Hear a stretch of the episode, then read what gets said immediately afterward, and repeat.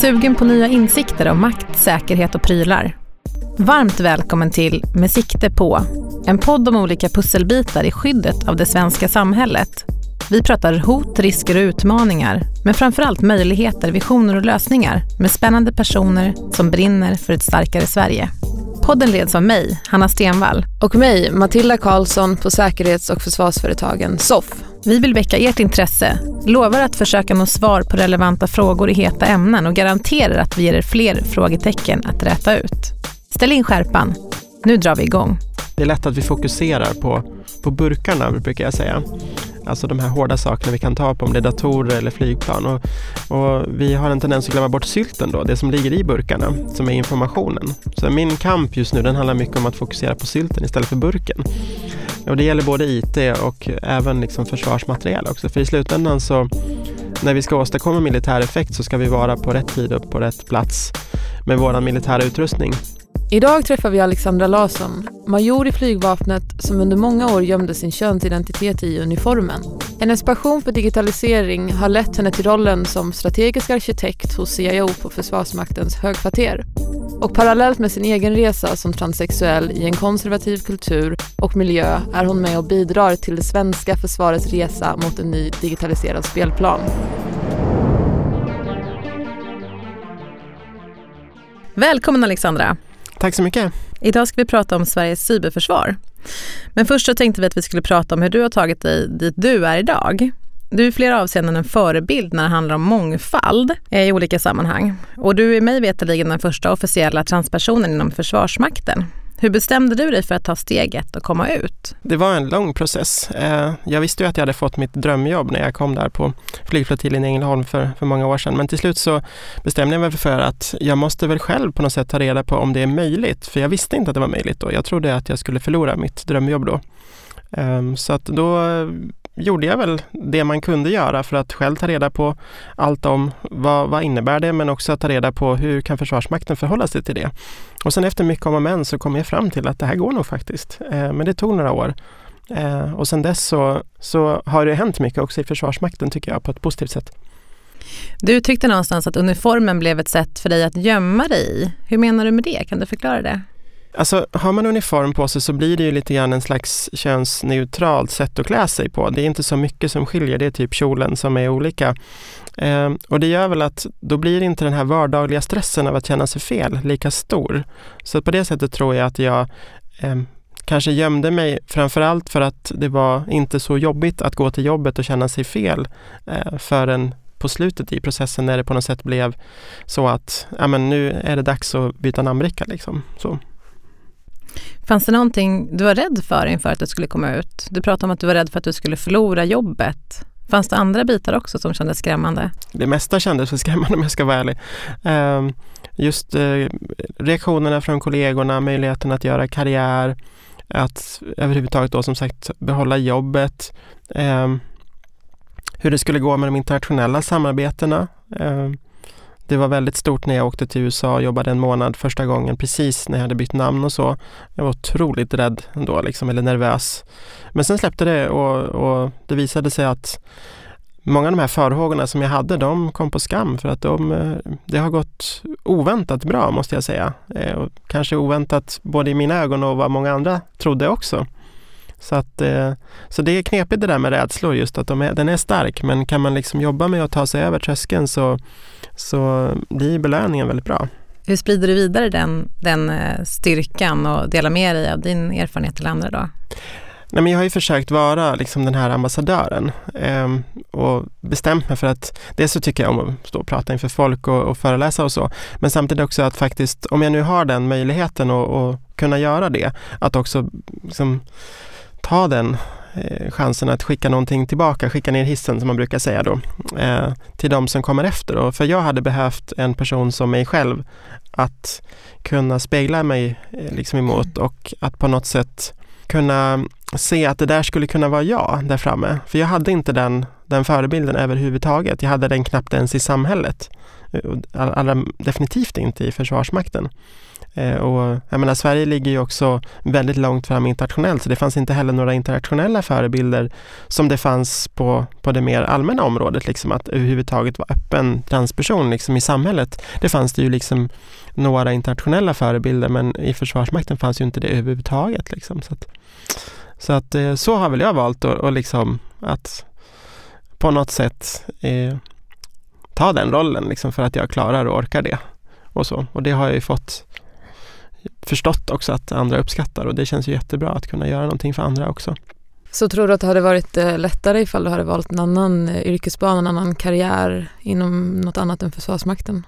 Nej, det tror jag inte. Jag tror att det där beror väldigt mycket på vem man är, vilka chefer man har, vilket sammanhang man kommer in och så. Det är klart att rent allmänt så är det ju en, kanske en, en, en bransch, eller vad man ska kalla det för, som är extra utmanande. Men det, det finns många andra som också eh, jobbar mycket med ja, den här spänningen mellan en stark gemenskap och men samtidigt då eh, som då kanske gör att man, man formar in folk i en, i en mall eh, och som gör att individuella ska man säga, den individuella utvecklingen kanske lite grann får stå tillbaka för gruppen. Eh, och det finns ju många andra sådana sammanhang. Jag var ju med i ett SVT-program och coachade en, en brandstation som ju har väldigt liknande liksom, situation på arbetsplatserna som man kan uppleva på en stridsflygdivision. Så att, så, så att sen så tror jag att i mitt fall så valde jag min passion. Det var därför jag valde jobbet. Liksom. Så det, det är en väldigt hypotetisk fråga på det sättet. Liksom. Så. Men skulle du säga att förståelsen har, eh, har utvecklats och förändrats? Ser den annorlunda ut idag mot vad det gjorde när du kom ut? Jag tänker, har man, har man gått mycket framåt? Ja, det är en enorm skillnad. Men samtidigt ska man komma ihåg att samhället har också genomgått en, en enorm förändring sedan dess. Och jag tror att Försvarsmakten speglar i mycket stor utsträckning samhället, även om man kanske är lite, lite efter. Så att, men samtidigt så, jag var ju som sagt rätt säker på att jag skulle förlora jobbet om jag kom ut i början och att gå från den situationen till att idag få vara liksom en, någon typ av eh, liksom, talesperson i hbtq-frågor under Stockholm Pride för Försvarsmakten och sitta i morgonsoffan och göra det. Det är ju en, eh, en utveckling som är på science fiction-nivå mot vad jag kände för kanske 20 år sedan. Så det är klart att det har varit en enorm utveckling.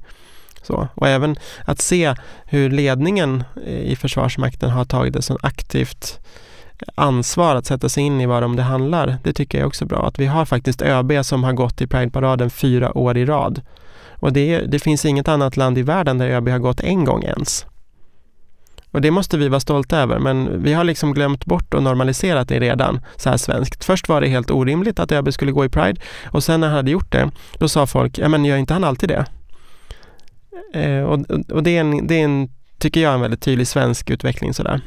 Var det, var det något särskilt du saknade när du kom ut? Någonting som du skulle vilja skulle varit annorlunda? Alltså något specifikt? Jag tror egentligen bara känslan över att veta att det skulle kunna gå. Att veta att, att det faktiskt var möjligt, att det finns ett diskrimineringsskydd, att det finns ett, ett aktivt stöd från arbetsgivaren, att, att arbetsgivaren hade viftat med regnbågsflaggor som man gör idag. Um, så att, eh, jag tror det hade varit det viktigaste, liksom, att, att få känna den tryggheten. För det gick ju väldigt mycket energi åt att ligga vaken på nätterna och fundera över hur tusan ska jag hantera det här problemet. Liksom. Så. Idag är du kvinna och det är ju få som kan jämföra. Men jag är lite nyfiken på hur, hur ser du skillnaden mellan hur du blir bemött som kvinna idag mot hur man blir bemött som man? Både privat då menar jag och yrkeslivet. Det är en svår fråga för att utvecklingen liksom går ju så Dels är man ju olika personer eh, så att det spelar ju roll. Men sen så har ju, går utvecklingen så långsamt. Det är ju inte som att gå in i en telefonkiosk och komma ut igen. Liksom, utan, och därför så blir liksom alla de här erfarenheterna lite sådär, man blir lite osäker. Det är inte jättetydligt. Men det finns ju någonting där hela tiden. Det finns någonting som handlar om att ta plats. Det handlar om någonting som har med vilka uppgifter man får på jobbet. Någonting som kanske handlar om lön skulle jag tro utan att veta säkert. Um, och så. Men sen, jag tror att den, den, stora skillnaden kanske finns i, i vilka gemenskaper man har insyn i. Och att, att få vara en del av gemenskapen i rum där bara kvinnor finns, den gör att det blir så uppenbart för mig att jag får höra helt andra historier om tillvaron och vardagen. Oftast tyvärr ganska negativa, framförallt på arbetsplatsen. Att man faktiskt får höra de här historierna om hur det är att vara kvinna på ett negativt sätt. Och de historierna berättas inte i, i rum där både kvinnor och män är närvarande. Så, så det tror jag är den stora skillnaden både jobbmässigt och privat, att få, få erfarenhet av, av det och sen samtidigt själv då, allt eftersom jag eh, fortsätter leva mitt liv, liksom själv kan spegla mig i de erfarenheterna och känna igen mig då. Eh, så det tror jag är den stora, den stora skillnaden. Man blir väldigt medveten om vad det betyder att vara kvinna för varje år som går. Känner du att, det också, att du också anpassar dig till det? Jag tänker som du säger, att ta plats till exempel. Tar du plats på ett annat sätt idag än vad du gjorde som man? Alltså, det, till att börja med så är det frågan är ju också så här när och om var jag man då, då? Det är ju tveksamt i någon mening. Men sen är det ju också, för det är skillnad vad man själv ser sig som och hur andra ser på en. Så det påverkar ju, tänker jag. Men sen tänker jag också att det är klart att jag har någon slags fördel av att inte ha socialiserats som tjej när jag var liten. Och exakt vad den fördelen ligger i, det är ju svårt att sätta fingret på. Men jag tror att jag kan ta plats lite bättre i en militär organisation till exempel. Och samtidigt kan man också komma ihåg att jag har jobbat i militär verksamhet med 95 procent män under många, många år och det lär sig alla någonting av. Så att frågan är som, vad är vad här? Jag är, någonting är det, men exakt vad det är svårt att sätta fingret på tycker jag. Den likriktning som finns tänker jag är en del av det som kanske gör att det är svårt att attrahera unga kvinnor till till exempel tekniska yrken och i vissa fall även till militära yrken.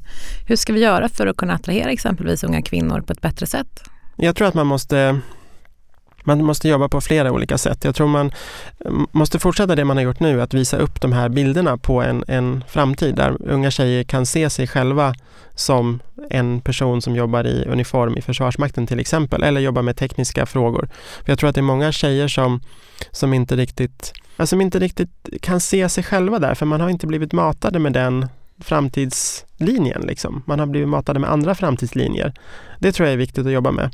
Sen så tror jag att man måste faktiskt fortsätta jobba med, med liksom, eh, kultur och klimatfrågor liksom, kopplat till både jämställdhet och hbtq. Så att man faktiskt kan se till att när man kommer in på sin arbetsplats att man faktiskt vill stanna kvar. Att, att man är villig att i någon mening förhålla sig till att för att man ska trivas på jobbet så måste alla få lika förutsättningar att göra ett bra jobb. Och då måste man också ändra på en del saker för att alla ska få lika förutsättningar att göra ett bra jobb. Och det betyder faktiskt att man ska inte behandla alla lika.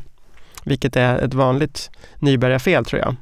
Man tänker att man ska behandla alla exakt likadant, då blir det jättebra. Men eftersom alla inte har samma förutsättningar så blir det orättvist. Då, menar, I Försvarsmakten har vi diskuterat storleken på handdukarna i 30 år nu. Liksom. Och det löser sig sakta men säkert liksom, att, att det, det, finns möjlighet att få lite större handdukar. Men om man behandlar alla lika och alla lika stora handdukar som då kanske är för små, då blir det inte bra.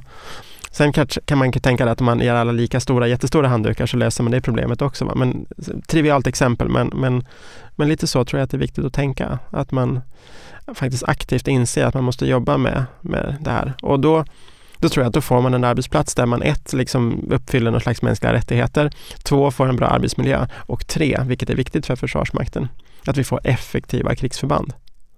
För att om vi kan fokusera på att göra vårt jobb istället för vilka vi är och jobba med jobbiga jargongfrågor, oavsett om man är kvinna eller hbtq-person, då blir det ett starkare försvar av det. Och det tycker jag är det viktiga att komma ihåg här, att det är därför som, som, som vi gör det här i slutändan, bortsett från att det också är mänskligt rimligt att göra det. Men då är ju frågan om det finns reella hinder 2017 för en mångfald och för lika möjligheter, lika förutsättningar, eller är det så att det liksom är en upplevd, upplevda hinder och någonting som sitter i väggarna och mer en uppfattning?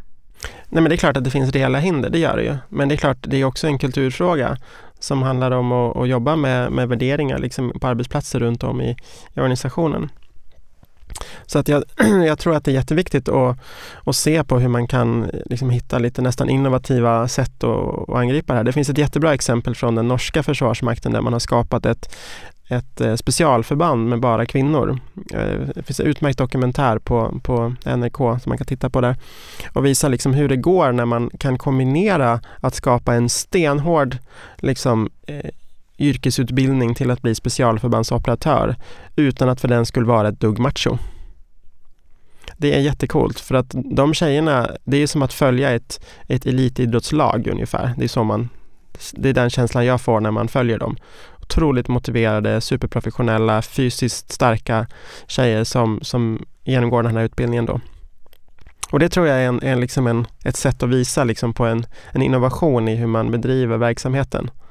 Det, det har blivit ett, en, en framgångssaga liksom, detta liksom norska förband och, och där har ju även svenska förband nu börjat titta på de erfarenheterna och se om man kan göra något liknande, liksom, att man kan coacha tjejer på det sättet, liksom, för det ger enormt bra resultat. Nu ska vi leka en associationslek. Du får ett ord och du säger det första ord eller den första mening som du kommer att tänka på. Är du redo? Ja. Nu kör vi. Moln. Eh, IT. Stark. Eh, utmaning. Nät. Samverkan. Uniform. Arbetskläder. Top Gun. Glädje. Ryssland. Intressant och eh, skrämmande samtidigt. Mångfald. Olikhet och styrka. Övning. Gröna kläder. Äpple. Mitt favorit IT-företag. Helt privat såklart. Det finns även andra IT-företag. Powerpoint. Hatkärlek. Strålande, tack. Ja, tack.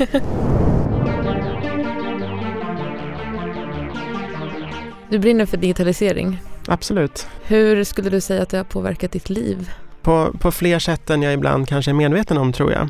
Eh, mycket av det som har handlat om min privata process har ju gått ut på att förhålla mig till att vad är det som jag är? Vad är det jag behöver förhålla mig till? Att sortera ner alla de här begreppen som har med sexuell läggning, könsidentitet och transpersoner. Och det var väl därför också som jag, när jag skapade min första funktion på webben så var det i praktiken en blogg utan att jag riktigt visste om det. Eh, så mycket av, av det jag har gjort både privat och på jobbet har ju kretsat kring att organisera information. Och ganska tidigt så fattade jag att med en dator så blir det där mycket, mycket bättre. Eh, och, och, det har liksom präglat som en röd tråd genom hela min privata utveckling och min yrkeskarriär. Att hur organiserar man information effektivt så att vi också kan förändra och förbättra sättet vi jobbar på. Och det, jag tror att det är det som är kärnan i digitaliseringen för mig också, den här disruptiva liksom, faktorn i det som gör att vi, vi inte bara digitaliserar en blankett utan vi också gör någonting som förändrar sättet vi jobbar på. Eh, och det har jag kämpat med i Försvarsmakten i många år också. Det har inte alltid varit lätt men, men det är en otroligt viktig del tycker jag för att skapa ett effektivt försvar. Det är lätt att vi fokuserar på, på burkarna brukar jag säga. Alltså de här hårda sakerna vi kan ta på, om det är datorer eller flygplan. Och, och, vi har en tendens att glömma bort sylten då, det som ligger i burkarna, som är informationen. Så min kamp just nu, den handlar mycket om att fokusera på sylten istället för burken. Och det gäller både IT och även liksom försvarsmateriel också, för i slutändan så när vi ska åstadkomma militär effekt så ska vi vara på rätt tid och på rätt plats med vår militära utrustning. Och då måste den vara laddad på ett sådant sätt att vi kan verka. Det kan vara en koordinat till en bomb, men det kan också vara den orderverk som ligger till grund för en hel flygoperation eller en hel militär operation som är liksom själva förutsättningen för att vi ska kunna bedriva liksom ett effektivt krig. Och därför tycker jag digitaliseringsfrågorna är extremt viktiga på, på, många, på många plan. Eh, vilka drivkrafter skulle du säga har varit eh, viktiga för dig på, din karriär, på dina karriärvägar och valet av försvar och IT? De första drivkrafterna var ett enormt flygintresse. Jag släpade ju runt mina föräldrar på, på flygdagar och så. Men sen så gled det snabbt över till att bli ett intresse för omvärlden och statsvetenskap och det var därför som jag blev underrättelseofficer också. Eh, när jag då tog examen 96 så kom jag ut på en flygdivision som underrättelseofficer. Men ganska snabbt så märkte jag ju det för att jag skulle kunna göra jobbet bra. Då behövdes det eh, liksom ett tänk kring informationshanteringen och då började också datorerna komma så jag kämpade mig till att få den första datorn på, på flygdivisionen kan man säga eh, och började liksom använda den för att göra helt nya typer av briefingunderlag till piloterna och på den vägen har det liksom varit tycker jag att, att jag har liksom glidit in i informationshantering och det som eh, i inom vid mening är IT då, genom att jag faktiskt vill göra jobbet bättre. Så jag brukar säga att jag är inte IT-människa utan jag är en människa som tvingas liksom in i IT för att göra ett bra jobb. Vi pratar ju mycket om nu hur gråzonen mellan fred och krig blir allt mer relevant. Och cyber har närmast blivit en fjärde försvarsgren, jag vet inte om man får säga så. Eh, hur ser det framtida digitala slagfältet ut tror du? Nej, men det är helt riktigt att det är en väldigt mångfacetterad bild eh, med allt ifrån väldigt hårda liksom, statliga aktörer med den traditionella krigföringen eh, ner till väldigt så att säga irreguljära aktioner som görs av, av aktörer med så här, det man brukar kalla asymmetriska hot. Då, liksom att, att det är väldigt stor skillnad mellan någon som, som med low-tech eh, vapen då gör någonting mot någon som har high-tech vapen, kanske en Gripen Erik eller vad det nu är för någonting. Och eh, där kommer ju liksom cyberhotet bli en naturlig del eftersom samhället har utvecklat sig så att, att eh, vi har blivit mer beroende av IT på många plan. Eh, att vår infrastruktur fungerar, att eh, våra samhällsfunktioner åker och bärs av en digital infrastruktur.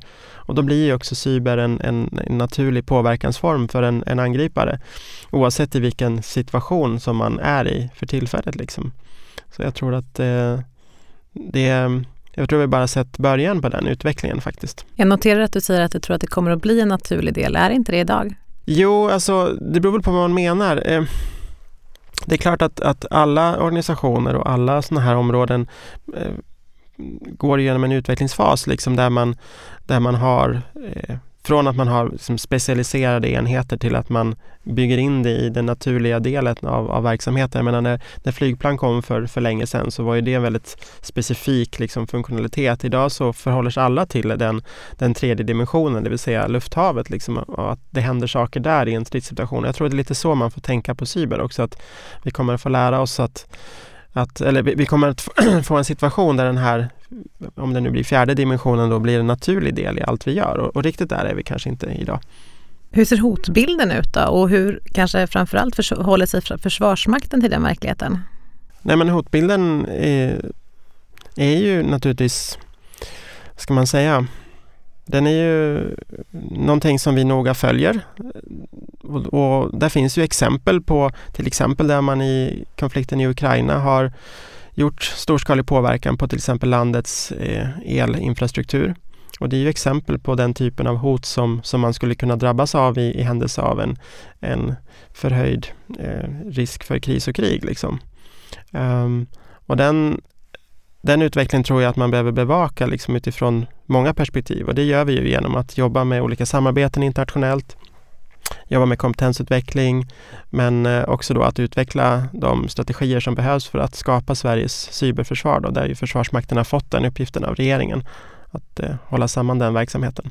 Den senaste tiden har vi sett flera extremt omfattande cyberattacker. Hur tänker du kring den typen av attacker? Nej, men jag tycker att de, de är ett exempel på precis det den typen av utveckling som jag också illustrerade med exemplet från Ukraina. Eh, så. Och, och, det är någonting som, som jag tror samhället i stort behöver förhålla sig till, att vi eh, utvecklar den här förmågan över att, att se över eh, möjligheten att skydda oss i, i även den, den fjärde dimensionen på, på ett brett spektrum. Eh, och där behövs det en bra samverkan mellan både myndigheter eh, av olika slag men också privata aktörer. Skulle du säga att du är rädd Nej, jag är inte rädd, men eh, jag, jag, tycker att man har anledning att, att vara medveten om hotbilden och vilka konsekvenser som det skulle kunna få av de här attackerna. Och de har vi ju redan sett på olika sätt redan i, i, runt om i världen de senaste åren. Eh, men, men rädd är jag inte. Vilket är det största hotet med den här typen av attacker? Jag, jag tänker att det stora hotet är ju att man med, med relativt små medel Eh, från, utifrån ett historiskt perspektiv då, eh, kan orsaka ganska stora konsekvenser. Eh, och det är också problematiskt på ett sätt att vi inte alltid ser dem på samma sätt som man ser traditionella militära attacker. Så.